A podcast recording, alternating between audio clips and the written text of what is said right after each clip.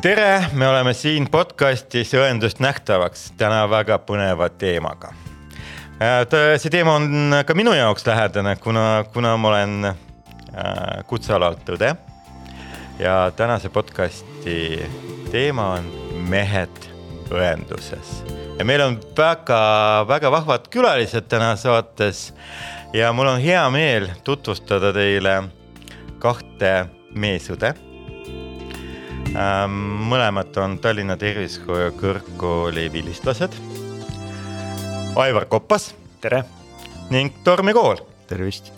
ning minu kaasautor ja saatejuht äh, Tallinna Tervishoiu Kõrgkooli õendusõpetuse juhataja Kristi Puusepp. tere päevast.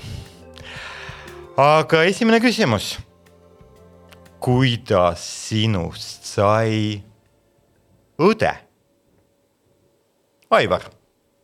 minust äh, sai õde mööda pikki ja käänulisi teid, et äh, äh, see ei ole minu esimene haridus, see isegi ei ole minu teine haridus, aga kõik need äh, suunad liikusid järjest rohkem esialgu tervelt elatud aastate pikendamisele ehk läbi kehakultuuri, läbi spordi ja ühel hetkel tundsin, et äh, siin oleks õige õige tase veel juurde võtta, mis on seotud just äh, tervisega ja inimeste nii-öelda haigustega ja läbi selle aidata äh, just seda tervelt elatud aastaid nii-öelda pikendada või aktiivselt elatud aastaid. ja kuna vanus oli juba sealmaal, et arstiteaduskonda nagu ei tahtnud arvatavasti mind keegi enam vastu võtta, arvatavasti ma ise ka nende nõuetele enam ei vasta, et siis ma eh, tahtsin väga proovida nagu õeks ja juhtus, eh, et, eh, et sain sisse. väga hea, aga äkki sa valgustad, et lisaks kehakultuurile, mis haridused mm -hmm. sul olid? esimene haridus oli mul üldse Tehnikaülikoolis finantsjuhtimine, pangandus siis ma olen õppinud kaks aastat õigust Tartu Ülikooli Tallinna Õigusinstituudis. ja hetkel ma olen õend-, nii õendusse sisse läinud, et äh, õpin õendusmagistris äh,. sa kehakultuuri ka õppisid? jah, õppisin ja, ja, ja lõpetasin. jah, kehakultuur ja. ka veel sinna juurde. et ta ja nii-öelda praeguses töös just see valdkond, kus mina olen, mis on esmatasandi tervishoid ja pereõendus perevendlus. et äh, seal see kehakultuuri ja teadmised just äh, ka nii-öelda terve inimese aktiivsetest eluviisidest ja läbi selle äh, tervise mm, hea tervise hoidmisest nii-öelda, see on ainult marjaks juurde, et see on pigem nii-öelda minu lisandväärtus kui, kui see, et nii-öelda varasemad teadmised on jäetud kuhugi sahtlisse ja siis ma tegelen ainult sellega, mis nagu Tallinna Tervishoiu Kõrgkool mulle andnud on, et et ma just tunnen seda nagu niimoodi. hästi, aga siin kohapeal äh, ma usun, et ka meie äh, teisel külalisel, saatekülalisel on vastu panna ka oma huvitav lugu. Tormi, kuidas sina jõudsid tõendusse? no mina ka, ega tegelikult äh, kui ma põhikoolis veel käisin, siis minul oli kindel suund, et minust peab saama meremees. ja selle, selle, selle nimel ma usinasti õppisin sul ja, oli juba ja. nimigi selline. just, et, et, et väga-väga äh, huvitav nimekombinatsioon on mul, eks ju, tormikool, eks ju. et ähm, aga ma juba jah, põhikoolis juba unistasin ja mõtlesin, et võiks äh, minna äh, mere, merekooli õppima äh,, vahitüürimehe eriala. kuigi ma olen Kesk-Eestist pärit, et mis minul väga nii-öelda merega pistmist on. aga eks, eks äh, filmid ja, ja sellised asjad mulle nii-öelda sellise mõtte pähe kunagi panid ja kui ma põhikooli ära lõpetasin, siis ma läksingi Eesti Mereakadeemia merekooli äh, õppima siis seda äh, laeva juhtimist, seal tuli lisaks juurde ka avamere kalapüük, et see noh, see minu teema väga ei olnud, aga, aga. kumb siis, avameri või kala no ikka avameri ja suured laevad olid minu suureks unistuseks. ja, ja ma siis tulingi Tallinnasse sealt äh, maalt ära peale põhikooli Äh, läbisin siis äh, usinasti õppe, kolm ja pool aastat, seal äh, sain ka keskhariduse, eks ole, seal koolis juurde. ja, ja lõpupraktika, mis mul oli, läksin Saksamaale. ja, ja ja mingisugune terviserike toimus, kas siis keskkõrvapõletik või midagi sellist ja, ja järsku enam verd ei talunud. nii et äh, laeva peal seda loksumist usinasti on, eks ole. Ja mina siis suutsin ainult seal sillas olla niimoodi, et pikali maas ja, ja, ja oks-, oksendamine oli siis minu teine tegevus selle asja juures. lõpetasin rõõmsasti kooli ära äh,. noh, nii jutumärkides ja, ja mõtlesin, mis siis nii-öelda peale kooli nüüd siis saab, on ju, et haridus on käes, aga merele minna ei saa. pakuti varianti, et äh, tule siis äh, kooli meil õpetajaks, eks ole. Aga noh, noore, noore poisina nii-öelda mõtlesin, et võib-olla natuke keeruline ennast kehtestada õpetajana, eks ole, et. Et, et, et ei, ei, ei saanud nii-öelda selle asjaga äh, nagu edasi minna, noh, mõtlesin selle asja üle ja siis leidsin äh, Siivi keskusest, et äh, Tallinna kiirabisse otsitakse kiirabiautojuhti. noh, linnast siin neid kiirabiautosid ikka usinasti näinud, väga huvitav mõte, et, et, et oo, et noh, ikkagi vilkuritega mööda linna sõita ja inimesi nii-öelda aidata, on ju, et, et. et noh, raske ka kindlasti on ju, et, et aga väljakutse jälle selline. ja, ja mõtlesin, ah saadan CV ära ja vaatame, mis saab, motivatsioonikirja pidi ka kirjutama ja. väga teemast nagu ei teadnud, on ju, aga noh, midagi, mis ma nagu mõtlesin ja arvasin sellest ja. ja juba tunni aja pärast mulle helistati, et kuule, tule vestlusele. ütlesin okei okay,, no lähme proovime siis ja, ja järgmine päev minuga juba vormistati tööleping. ja, ja niimoodi ma jõudsin tervishoiu juurde kus ma siis nii-öelda esmaselt siis läbisin äh, kiirabitehniku väljaõppe, mis oli nelisada tundi Äh, siis Tallinna kiirabis moodustati ähm, Rendezvous brigaad, eks ole, äh, kus siis kaheliikmelisena sõitsime, läbisime siis veel kahesaja tunnise täiendõppe. ja nii-öelda ma siis oma karjääriredelil nii-öelda tõusin seal ja, ja kuni siis autojuhina nii-öelda enam edasi kuhugi minna ei saanud. loomulikult ma unistasin ka selle töö kõrvalt väga regionaalhaiglasse tööle saamisest.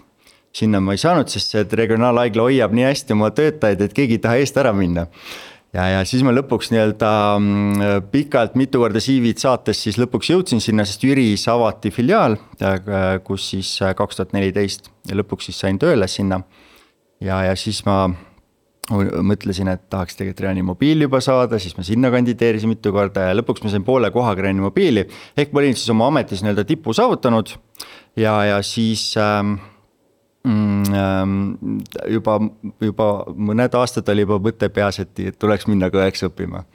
et ähm, ja, ja et nii-öelda ka edasi areneda ja, ja ennast täiendada ehk põhimõtteliselt sa tulid äh, kutseõppesse juba väga-väga selge visiooniga, et mis asi, mis töö see on ja, ja, ja, ja kuidas seda tööd tehakse ja, ja, ja selles mõttes äh, mul tõesti äh, väga hea meel kolleegina äh, olla Tormiga, sellepärast äh, meie, meie podcast'i kuulajad on mitu korda kuulsid minust, minult, et kuidas ma räägin Reanimobiilist. siis tõesti, see on selline väga hea meeskond, kes töötab koos ja, ja on valmis kakskümmend neli tundi tulla appi appi üle, üle Eesti, kas helikopteriga või mööda maad. aga ma tänan teid teie sellise väga mõnusa sissejuhatuse ees, aga ma siiski küsiks teie käes, Aivar on seda natukene noh, ütles välja, ma mõtlesin, ma ei hakka kohe sellest kinni võtma, aga vendlus ja õendus ja õde, et noh, kuidas teie mehed tunnete seda, et teie ametinimetus on õde? Tormi. tegelikult äh, kui aus olla, siis äh, mind see nimetus ei häiri. sest et see on, ähm, see on, see on nii-öelda ametinimetus ja, ja kui ma nii-öelda tegelen nii-öelda ka patsientidega, siis me nii-öelda ju ei rõhuta kogu aeg nüüd, et eks ju nüüd õde teeb seda, õde teeb toda või mida iganes et, et see on sihuke, et sa tutvustad ennast ära, kes sa oled. aga sa ütled ju, et sa oled Just, õde, eks. jah, olen õde ja, ja kusjuures inimesed tegelikult sellele väga nagu mõnel puhul, eks ju, kiirabikutsetes, eks ju, on noh olnud, eks ju, et äh, noh, õde, eks ju, ta inimene vaatab niimoodi, aga aga noh, peame nii-öelda aktsepteerima seda, et äh, selline ametinimetus meil on. Äh, me töö on ju sama, kas sa oled mees või naine, et, et selles suhtes, et äh, mind nii-öelda see otseselt nagu ei häiri. Aivar. mind ennast ka ei häiri. aga? Aga noh, erinevalt nii-öelda arvatavasti tormi töökeskkonnast, siis esmatasandil on hästi palju seotud just nii-öelda suhtlemise, nõustamisega, pöördumisega.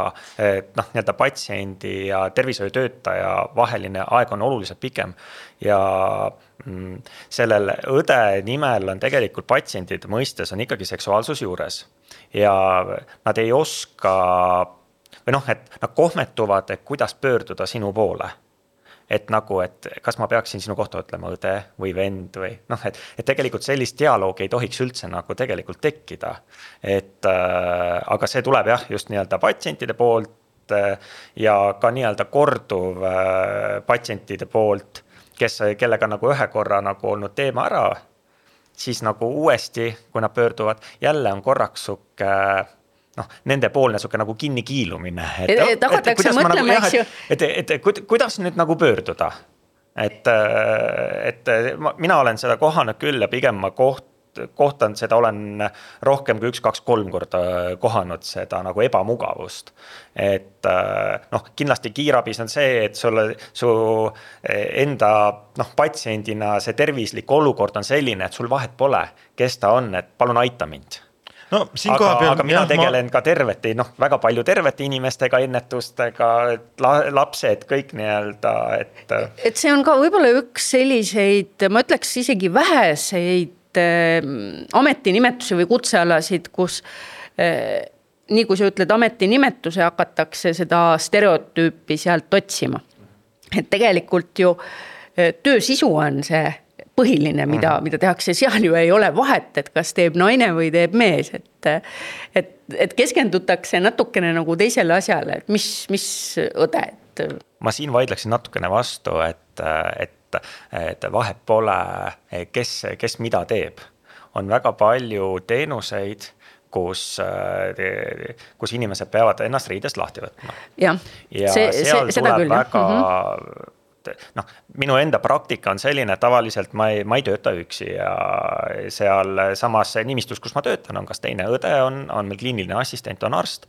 ja ennem kui ma näiteks inimesele kasvõi hakkan EKG-d tegema eh, võtan talt selle häbelikkuse ära ja küsin ta käest, et kas, kas on okei okay,, et mina kui meesterahvas teen selle või te sooviksite, et, et nii-öelda eh, nais, nais, naispersonal teeb selle. ehk eh, noh kui sa juba näed, et inimene on nagu kinni, ta ei julge teistpidi, sest tal on vaja seda teenust, siis ma pigem olen see ise see esimene eh, nii-öelda info, et, et on võimalus ka teist, teist, teistmoodi, et ole hea, ütle, kuidas sa soovid. ja siis, siis ta ja kui ta ütleb, et jah, mul on ükskõik et võite teie teha, siis ma teen, aga mul on ka olnud variante, kus on öeldud, et, et tegelikult sooviks, et võiks naisterahvas teha ja noh, ma täiesti austan seda mm. -hmm. no perearstikeskuses see võimalus on, kiirabiautos äh, kahjuks valikut, valikut pole. ja aga noh, võib-olla kiirabiautos ka inimene on sellises seisundis, kus ta vajab noh, sellest kiire ülevaate saamisest terviseseisundis ja, ja seal on natukene võib-olla teist. noh, sama ka kultuuride erinevusega ja. seotult, et seal võib-olla, et on kiirabis isegi rohkem selliseid. selliseid juhtumeid on mm -hmm. olnud küll jah, et, et ja tihtilugu meil on ka nii, et brigaadis, eks ju, ongi kolm meest ja siis ei olegi nagu midagi teha. aga oluline on alati siis selle juures nii-öelda selgitada ja rääkida patsiendiga väga palju nii-öelda oma tegevusi, mis sa teed, eks ju.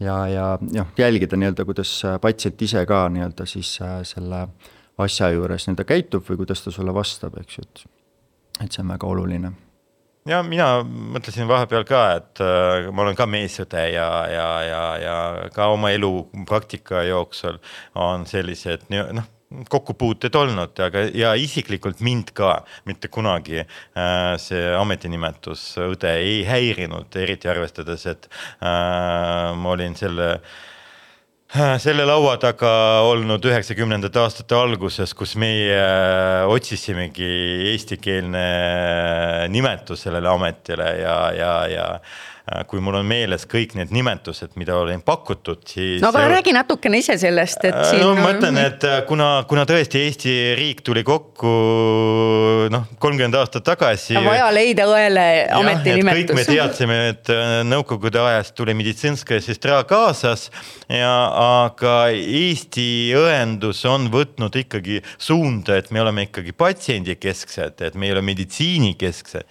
no siis äh, ingliskeelsest terminist ka edasi minna, siis ma ütlen ausalt, eestikeelne äh, see vastand oli, need olid no sellised, mida ma nagu isegi praegu äh, põetur, põet-, no noh, no mida, no ma isegi ei tahagi need kõik äh, praegu välja tuua, sellepärast et nad ei hakkaks oma elu elama peale meie saated.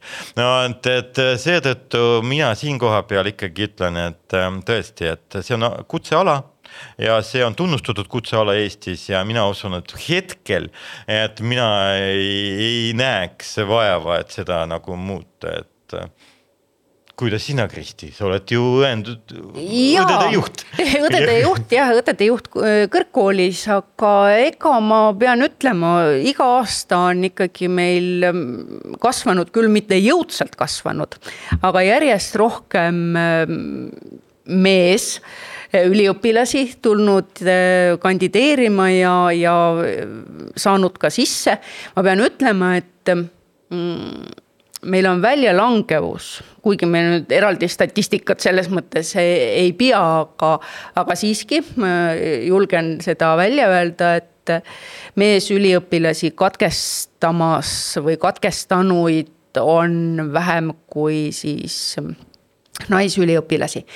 Eh, aga jah, see kümme protsenti on võib-olla see, kuhu me siis eh, lõpuks välja jõuame, neid alustajaid natukene, võib-olla mõni on rohkem, aga see, see kümme protsenti on kuidagi selline jääv suurus olnud ja, ja siin küll, nii palju, kui ma olen üliõpilastega kokku puutunud, rääkides sellest samast ametinimetusest, siis see, see ei ole küll olnud asi, mille, mis oleks seadnud kahtluse alla, et kas ma tulen õppima või, või kas see võiks mind kuidagi äh, häirida.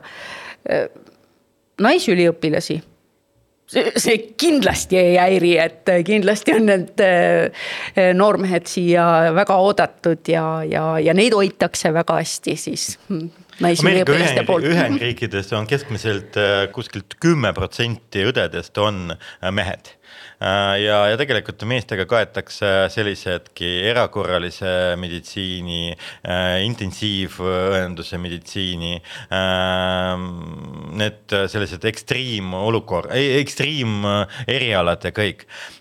Eestis on Terviseameti andmetel on circa kuus-seitse protsenti on nagu õdesid, meessoost õdesid, aga siin ma korra segan veel, et ja. siin, siin natukene mõjutab ka see, seda, see aspekt, et meie lõpetajad see, see kümme protsenti võibki olla see, kes ka lõpetavad, aga meesõed leiavad ka oma karjääris edasise tee selle koha pealt, et see õendusharidus on vajalik tema järgmiseks sammuks, aga ta ei tööta võib-olla õe ametikohal. Lihtsalt väike ääremärkus. aga no siin jällegi me võime, võime jõuda sinna, et õe kutse on niivõrd lai ja, ja, ja põhjapanev, et äh, teised erialad, kutsealad pärast üles ehitavad nende õe tea-, õdede teadmiste peale väga palju noh, oma äh, kutsealad, et seetõttu äh, siin kohapeal tõesti, et äh, tuleb alati mõelda, et õeks õppimine on väga hea investeering, investeering iseendasse, et tööd jätkub äh, kauaks. ma tahan Aivari käest küsida, et äh, sina töötad esmatasandis. mis ei ole nüüd väga tavapärane, kus meesõed töötavad. võib-olla rohkem oleme harjunudki kiirabibrigaadis nägema, intensiivosakondades. Jah, jah, no, jah, kus on. ekstriimopiõed on nagu on juba üksikud on meil, kes mees, mehed on opiõed ja. esmatasand. just räägi sellest natukene, et kuidas sa nagu selle ähm, väga olulise ja, ja, ja huvitava valdkonna mehena leidsid, et eh, see ei tõmmanud sind kiirabi poole selle ekstreemsuse poole? et ma arvan, et siin väga-väga suur mõjutaja oli sama see kehakultuur seal all mis äh, samamoodi ei ole seotud sihuke ekstreemolukordadega, ekstreemolukordade lahendamisega, vaid äh, noh, keha, kehakultuuri kõrvalt ma töötasin ka treenerina, nii rühmatreenerina kui ka personaaltreenerina ja mulle meeldis see inimlik kontakt seal ja see teekond selle inimesega mingite eesmärkide saavutamiseks. ehk ne, ja, ja noh, seal ma tundsingi, et äh, see õe, õe teadmised või noh, nii-öelda patoloogia teadmised oleksid marjaks veel juurde ära, et ma oleksin veel parem. ja äh, noh, see iseenesest juba, see, mida ma seal tegin, see oligi juba tegelikult esmatasand, ta küll ei olnud meie esmatasandi tervishoiuteenuse osutamine tollal aga ta oli esmatasandi inimeste elukvaliteedi tõstmine või nõustamine ja ja ma arvan, et ma jäingi nii-öelda oma liiskude juurde sealt, eh, jäädes nii-öelda ka meditsiinilises mõttes hiljem esmatasandisse. pigem niisugune ennetav töö, eks ole, et. mõlemad mm, -hmm. nii ennetav töö või siis nii-öelda eh, oskus eh, haigustega hakkama saada, nõustamine inimestele. et, et, et ma tundsin, et just, just see on nagu minu koht et mul, mul ei ole nagu kunagi läinud sihuke silm särama märksõnade peale EMO või AIO või kirurgia või midagi sellist. et noh, võib-olla see on nagu minu probleem, aga ma arvan, et, et esmatasandis äh, ma täidan väga hea nagu augu ära vähemalt äh, nii-öelda meie nimistu raames, kus mina nagu töötan no minu jaoks on alati olnud, et äh, kõige tähtsam on see, et inimene leiab endale sobiva keskkonda ja, ja tööd, kuhu ta soovib panustada, et noh, väga raske töötada valdkonnas, et äh, kus sa noh, viid end lihtsalt sunniviisiliselt kohale, et no vot nii on, et aga siin kohapeal ma võib-olla äh, küsiks äh, meeste käes, et noh, mees on ju noh, no raudmees, et noh, tal emotsioone ei ole, ta on ju noh, et aga õe töös on tihti olukorrad, kus on emotsionaalsed olukorrad, et kas, kas teil olid äh, praktikas äh, hetked, äh, sellised emotsionaalsed hetked, kus, kus oligi olukord, kus pisar tuli silma? Et noh, no niivõrd äh, see noh, selline üle, raske üleelamus ja, ja nii edasi, tormi. jah, selles suhtes jah, et äh, äh, väga tihti nagu küsitakse minu käest, selles ma väga palju nagu olen hakanud rääkima õendusest ja oma tööst, eks ole, igal pool koolides ja ja, ja kui ähm, ini-, noh, nii-öelda auditoorium nii-öelda teab, et ma töötan, eks ju, kiirabis ja veel eriti reanimobiili peal, eks ju, mis seda kõrgema etapi nii-öelda äh, kiirabiteenust pakub, eks ju.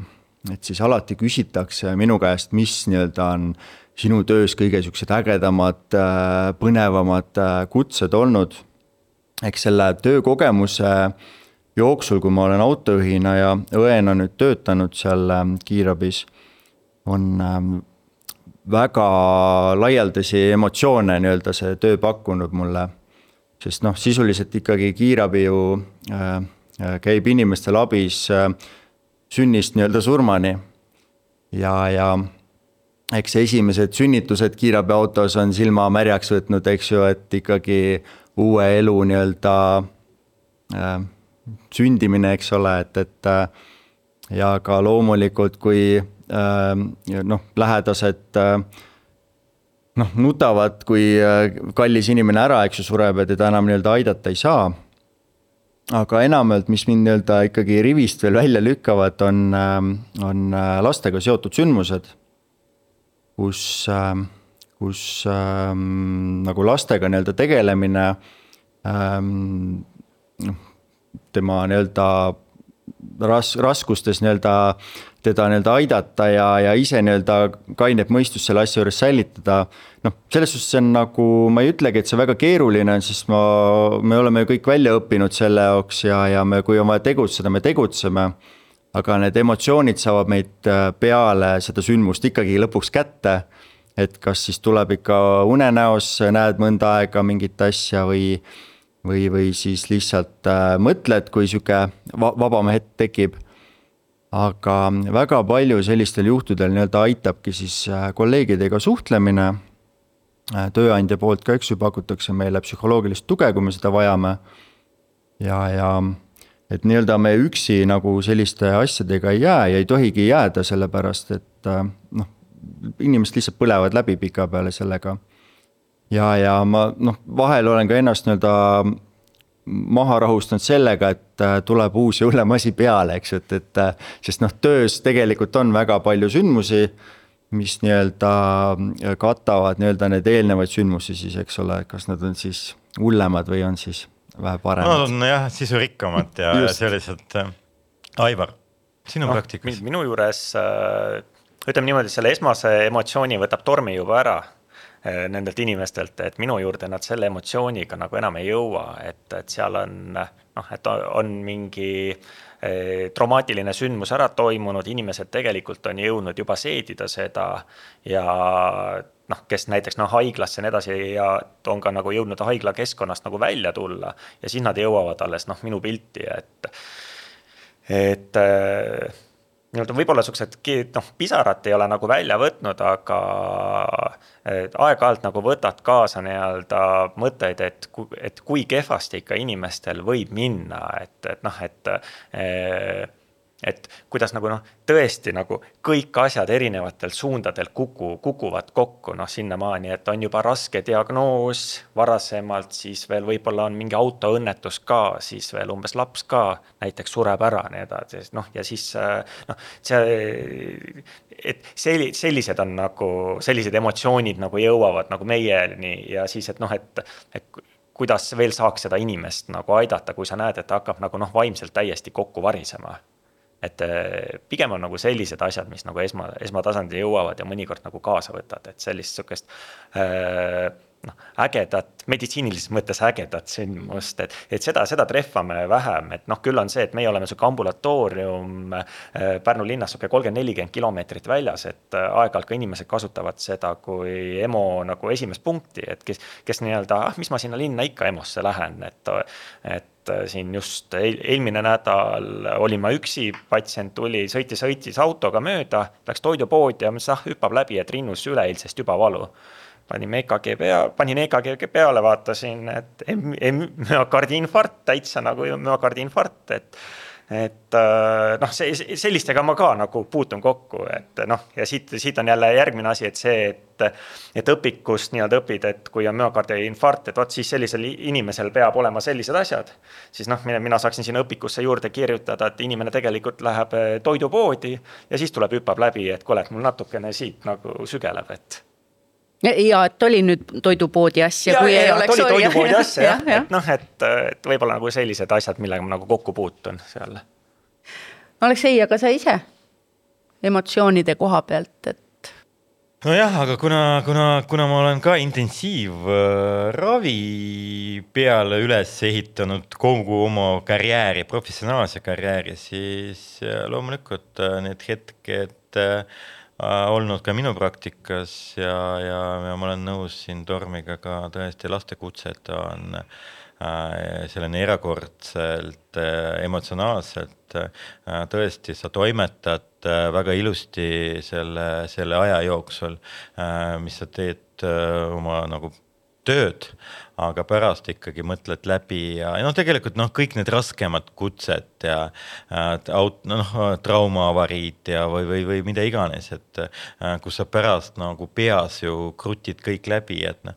aga noh, siin kohapeal äh, loomulikult aitab, aitavad ka kolleegid, aitavad ka aru saama, et tegelikult noh, noh, sa oled valinud seda tööd ja see on üks osa sinu tööst ja sa pead noh, noh, ma ütlengi, et väga raske on, kui sa võtad kõik südamesse, noh siis tuleb mõelda, võib-olla see ei ole sinu koht sellepärast noh, läbi põleda on väga-väga äh, kerge, vot siin kohapeal võib-olla ma küsikski poiste käes. et kas, kas te tundsite läbipõlemise äh, ohtu oma praktikas? Aivar? Hetkel veel ei ole tundnud, et ma arvan, et ma täpselt seda nii kaua teen, kuni ma seda nagu, kuni see hakkab segama minu isiklikku elu hetkel see, see ei ole veel saabunud, see hetk. Tormi? sama, selles suhtes, et ma ikkagi tööpäev mind ootab, äh, rõõmuga jään voodist ennast üles hommikul ja, ja lähen ja, ja, ja, ja selles suhtes, et äh, nagu ma olen täiega nagu õnnelik, et ma olen sellise eriala enda jaoks leidnud ja, ja, ja, ja sellist läbipõlemise asja ma nüüd küll ei noh, eks ikka meil on tõuse ja mõõnasid, eks ole, ja muu, muu, muu elu tuleb ka vahest peale, eks ju, et aga aga lihtsalt sõprade toel ja, ja lihtsalt elurõõmust, liblikas lendab et selles suhtes, et, et. siin kohapeal võib-olla ma küsiks, mis peale tööd, te olete tõesti tublid rõõmsameelsed õed, aga peale tööd, mis hobid teil on, Tormi? minu hobid ähm,? jah, selles suhtes neid hobisid on äh, vastavalt ähm, aastaajale, mis siis teha saab, eks ju, et, et äh, et, et äh, kui ikkagi lumi lõpuks ära kaob, siis on ratas, mis äh, äh, sealt ähm, hoiust välja tuleb ja, ja sellega siis saab usinasti sõidetud äh,. fotograafiaga tegelen hästi aktiivselt Äh, öö, ööpäevaringselt mida öösel on pildistada? öösel on tähti pildistada näiteks Oo. või nüüd äh, üleeile käisime koos ühe kolleegiga, käisime udu pildistamas näiteks. virmalistele ka oled pihta saanud äh,? vot virmalised kipuvad alati siis tulema, kui mina tööl olen äh, et, et selles suhtes, et, et äh, ei ole, oleme neid taga ajanud, aga kätte ei ole veel saanud, aga noh, ehk, ehk õnnestub. ja, ja noh, ka end, enda nii-öelda füüsisega tegelen, eks ju, et käin jõusaalis siin, olen mõne kolleegigagi kokku põrganud seal, eks ole. et, et selles suhtes, et. Aleksei noogutab ja, selle Aleksei peale. noogutas just, et, et äh, et, et eks seda vaba aega meil on nagu teda on, eks ju, et, et kui me praegu Aivariga usinasti õpime ka magistris, eks ju, et, et siis äh, seda vaba aega väga-väga eriti ei ole. Selle aga... juurde me jõuame, aga Aivar, mis sinu hobid on? ma käin ennast maha laadimas nii-öelda erinevate triatloni komponente tegemas. et, äh, et olen ka nagu täispikka Ironmani ära teinud ja siis äh, viimastel aastatel olnud pigem äh, tiimis ujuja. ehk siis talvel ma ujun ja jooksen, Pärnus on hea sihuke Jaansoni rada, täpselt kümme kilomeetrit piki jõe äärt, natukene vähem. Ja suvel samamoodi, võtad maanteeratta ja. ujud ikka soojas vees, mitte talvel, ja, ja, ja, ja, et täna, täna hommikulgi ennem siia Tallinna tulekut sai ujumise ära tehtud, siis tead, et päev on korras nagu, et. tuleb, mis tuleb, vähemalt on ujutud nagu va. Va vaata, vaata Aivarile näkku on näha kohe, et ta on hommikul ujunud mulle tundub, et ka Tormi on ujunud. igal juhul rõõmsad mõlemad. suppasin lumes äh, väga hea, aga just äh, kui siin eelnevalt äh, me rääkisime, siis tegelikult te olete mõlemad ka praegu Tallinna Tervisekooli Kõrgkooli üliõpilased ja magistrandid. mis teid tõi magistriõpingutesse? Aivar et äh, minu jaoks oli see nagu loomulik järgmine samm, et äh,, et kuidas just selle õenduse poole peal veel, veel teadlikumaks saada ja ja mul ka see, noh, mina olen nüüd vaimse tervise suuna peal, see on just esmatasandi võtmes teadlikult valitud. Ja mis nüüd ma olen nüüd varsti juba, mis me oleme teise kursuse keskel, et ma olen oska-, võin öelda, et kui ma siiamaani erinevates hariduses ja elukogemuses olen õppinud rääkima, siis nüüd viimased poolteist semestrit olen ma õppinud kuulama ja see on nagu täiesti, täiesti uus tase või pilotaas nagu minu jaoks, et äh, noh, avardanud meeletult minu silmaringi ja nagu maailma. ja aktiivse kuulamise oskus on väga tähtis, eriti vaimse tervise õe praktikas, kes tegelikult äh, ka kuulates patsiendi oskab ka püstitada ka õiget Äh, diagnoosid ja nii õendusdiagnoosid kui võib-olla ka äh, soovitada patsiendile mingit äh, eneseabivõtted ja nii edasi. aga Tormi, mis sind tõi? mina hakkasin nii-öelda spetsialiseerumise peale mõtlema umbes poole õeõppe pealt. et, et ikkagi intensiivõendus mind täiega paelus. Et ähm, kolmandal kursusel me, eks ju, pidime valima ka mingisuguse eriala, mida me nii-öelda süvendatult, eks ju, õpime. ja ma teadsin kohe, et, et jah, et intensiivõendus on see, mida ma nii-öelda äh, tahan, tahan nii-öelda lisaks võtta. Ehm, too aeg ma veel ei teadnud, eks ju, et, et see magistriõpe veel sellele asjale juurde tuleb, kui ma hakkasin spetsialiseerumisel mõtlema, et kui ma kooli ära lõpetasin, siis juba tuli ka magistri nii-öelda õpe sinna juurde ja spetsialiseerumine siis kesti, kestab nüüd siis poolteist aastat.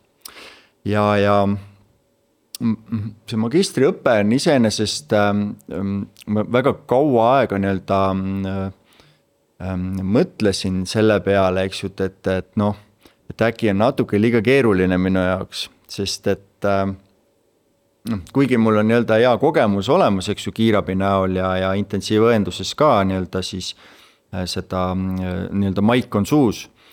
ja, ja ma natuke kartsin seda, aga, ja, ja aga kui ma lõpuks nagu sisse sain, siis ikkagi ehmatus oli suur, samamoodi oli õeõppes samamoodi, et istusin seal aules ja mõtlesin, issand, kuidas see kõik tehtud saab aga see sai ilusti tehtud ja magistris on nüüd ka, ma olen sellest šokist nii-öelda üle saanud. ja, ja mul nagu, nagu iga nädalaga tuleb jälle tuhinat juurde, et lähme teeme ja, ja, ja mulle nagu äh, väga meeldib jah, mul on hea meel, kui on sellised üliõpilased, kes äh, rõõmuga õpivad, aga äh, lõpetate magistratuuri ära. kas siis on midagi teistmoodi? siis te olete eriõed. vaikus kindlasti on midagi teistmoodi, aga seda tuleb võib-olla aasta pärast küsida. nagu, et noh, ma ütlen oma näitel, ma ütlen, et, et seesama, kes ma olin nagu septembris, siis täna praegu uue, uuel aastal märtsis ma olen juba praegu teistsugune õde, kindlasti ma olen teistsugune õde teistsuguste teadmistega, teistsuguste nii-öelda nõustamisvõtetega, kui ma olin kaks semestrit tagasi.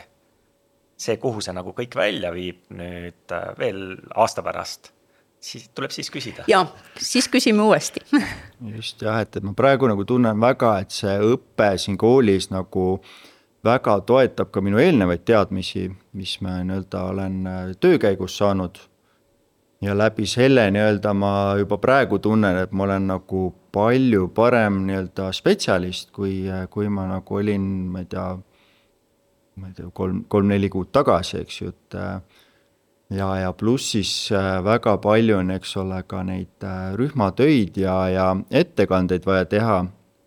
et kuna ma tegelen ka kiirabi personali ja ja ka lihtsalt ta-, tavakodanike koolitustega, eks ju, et, et see nii-öelda annab ka jälle mulle natuke seda mm, enesekindlust ja, ja ja, ja nii-öelda mm, tarkust juurde ja, ja ma lähen nii-öelda ka sinna koolitustele juba mm, enesekindlamalt, kuigi see alati välja ei paista, eks ole, aga eks ikka kerge ärevus tekib sisse, kui sa lähed auditooriumi ette ja räägid, eks ju, et ja ja, ja see nii-öelda, ma tunnen, et sellest on väga palju tuge mulle nii-öelda Äh, igapäevases töös ja, ja koolituste vallas ka, et. palju, palju räägitakse tänapäeval, et õdede puudus on ja, ja, ja kindlasti üks võimalus äh, seda, seda, selle probleemiga nagu edasi minna, on see, et laiendada ka sisseastujate nagu nii arvu kui ka äh, valikut, et noh, selles mõttes, et äh, minu küsimus oleks teile mõlemale, et mis sõnumit teie ütleksite noormeestele, kes praegu koolis mõtlevad, et millist kutseala valida. mis sõnum võib-olla meestele, kes tegelikult juba omavad mingit haridust, aga otsivad ka end. et äh, kuidas teie ühe sellise lausega motiveeriks mehi äh, õdedeks?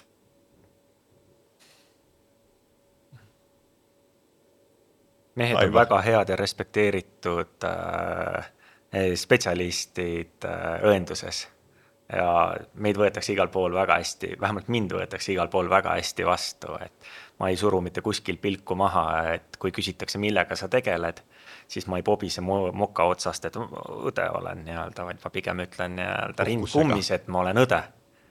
ja ma arvan, et see noh, minu poolt oleks nagu see, see sõnum, et see jälle võtame selle nagu sõnalt õe nagu seksuaalsuse ära, see on eriti äge töökoht. ja seal on nii, nii suured ja laiad võimalused, kogu see tervishoiusektor, kus sa selle õendusega tegelikult minna saad et see ei ole see, et õde ei tähenda ainult osakonnaõde või ta ei tähenda ainult kiirabi või ta ei tähenda ainult esmatasandit, et ta noh, seal on nii palju võimalusi kuni sinnamaani välja, kui tahad, võid ka Gran Canariale minna nagu, eks jah, tõesti, et äh, see on meie äh, kutse üks selliseid äh, väärtusi, et sa saad ka selle sees muuta oma suunda, valdkonda, tegelikult ka eriala, eks ole, ja, ja, ja hoopis on see pilt jälle teistsugune. Tormi. just, paras pähkel on see küsimus niimoodi otse, otse öeldes, aga aga tegelikult jah, meeste puhul nii-öelda erineda siis massist, eks ole, et, et, et niisugune eriala, et sellest nimetusest nüüd, eks ju, ilmselgelt ei tohiks äh, kohkuda, sest äh, noh, ma ütlen, et äh, nagu Aivar rääkis, on ju, et, et see seksuaalsus tuleb nii-öelda selle juurest ära kaotada, et et, et tööpõld on lai, kindel, kindel, kui on kindel tahe nii-öelda Äh, näha ka oma töö tulemust, eks ole, kohe, noh, alati ei pruugi see nii olla, eks ole, aga aga, aga lihtsalt, kui sa soovidki ähm, näha, milles, millised nii-öelda kasud on sinu teadmistel ja, ja kuidas sa saad sellega nii-öelda kellegi elukvaliteeti parandada või tema hädas, eks ole, aidata. minu meelest see on suurepärane tunne juba selle tunde pärast, eks ju ma hommikul tõusen ja mõtlen, et läheme ja teeme ja, ja, ja lõpp, tööpäeva lõppedes mõtleme jälle, et millal jälle uuesti jälle saab üks, üks hea nagu, nagu elutsoon, selline on huumor. et ja kindlasti on huumoril on oma osa ka õetöös kas teil on jagada näiteks äh, äh, kuulajatega ühte sellist noh, naljakat lugu teie praktikast õena? või teil on kogu, kogu teie töö on väga tõsine ja ei ole seal naljal mingit kohta?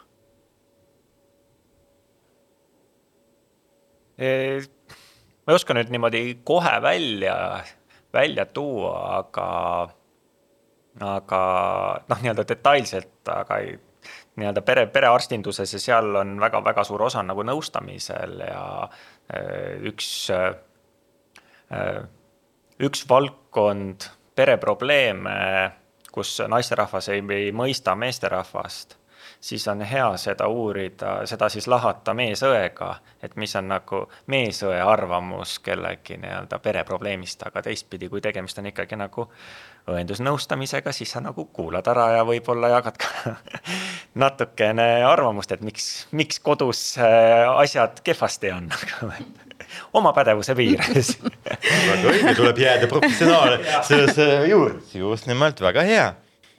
Tormi väga,. väga-väga laialdane nõustamine.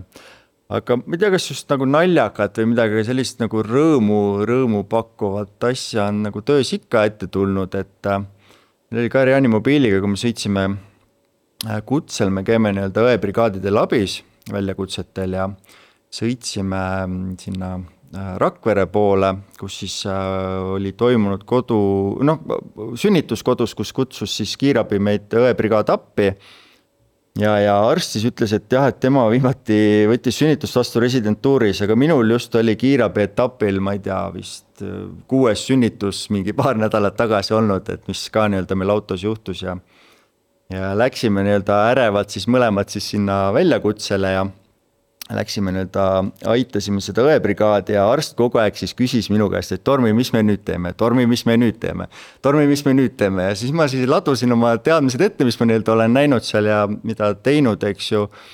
ja, ja kui me lõpuks selle emaga koos siis haiglasse jõudsime, Ida-Tallinna keskhaigla sinna naisteosakonda, eks ju.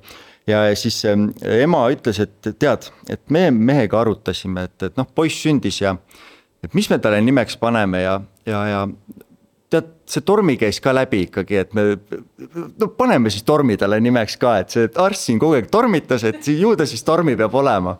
ja lõpuks siis pandigi talle Tormi nimeks ja toodi siis meie brigaadil nii-öelda ka puuviljakorv, kus oli ka kaart juures, eks ole, ja, ja pilt lapsest, et äh, väike Tormi siis tervitab oma nimekaimu.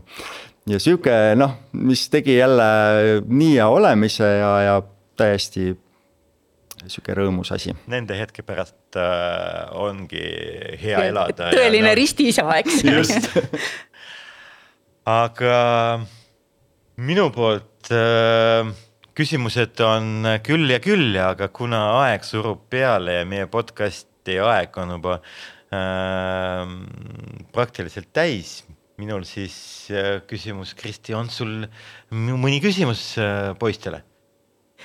Minu küsimus poistele on see, et ähm, kuhu edasi? kuhu edasi? ikka tuleviku poole, et selles suhtes, et äh, kuna tervishoid ikkagi eeldab väga palju nii-öelda oma teadmiste ja ja, ja nii-öelda oskuste täiendamist, siis tegelikult me peame väga palju ennast täiendama ja väga palju õppima, et me ei saa jääda oma nii-öelda loorberitele puhkama. Et, et pidev enese täiendamine ja, ja asjadega kursis hoidmine nii-öelda minu nii-öelda motoks, mis mind nii-öelda edasi viib, mis tähe all ma nii-öelda liigun. Ja, ja just sellised äh, äh, nii-öelda äh, mitmekesised nii-öelda väljakutse, mis meie töös nii-öelda ette tulevad, et äh, üritame nendeks nii-öelda valmis olla ja tunda nii-öelda oma valikute üle nii-öelda ka palju rõõmu, et selles suhtes, et mina olen oma eriala üle väga rahul, nimetage seda, kuidas tahate. õde, vend või või ma ei tea, nõbu ükskõik, et selles suhtes, et, et äh, suurepärane eriala ja ma väga nii-öelda olen õnnelik, et ma olen siia jõudnud, kus ma praegu olen. aitäh, Tormi! Õnneks on õendus, on elukestev õpe, et äh, et kindlasti selle magistriga ei lõppe need õpingud, et äh, lihtsalt äh, et muutuvad kas koolide või koolituste nimed aga et saada veel, veel paremaks spetsialistiks oma valdkonnas. ja, aga õendus jääb. aga õendus jääb, vendlus. ja sellest te olete kuulanud täna podcasti Õendust nähtavaks. Äh, meie külalisteks oli Aivar Koppas, Tormi Kool ning meie äh, saatejuhid Kristi Puusepp ning Aleksei Kaidenko. aitäh kuulajad! aitäh! aitäh!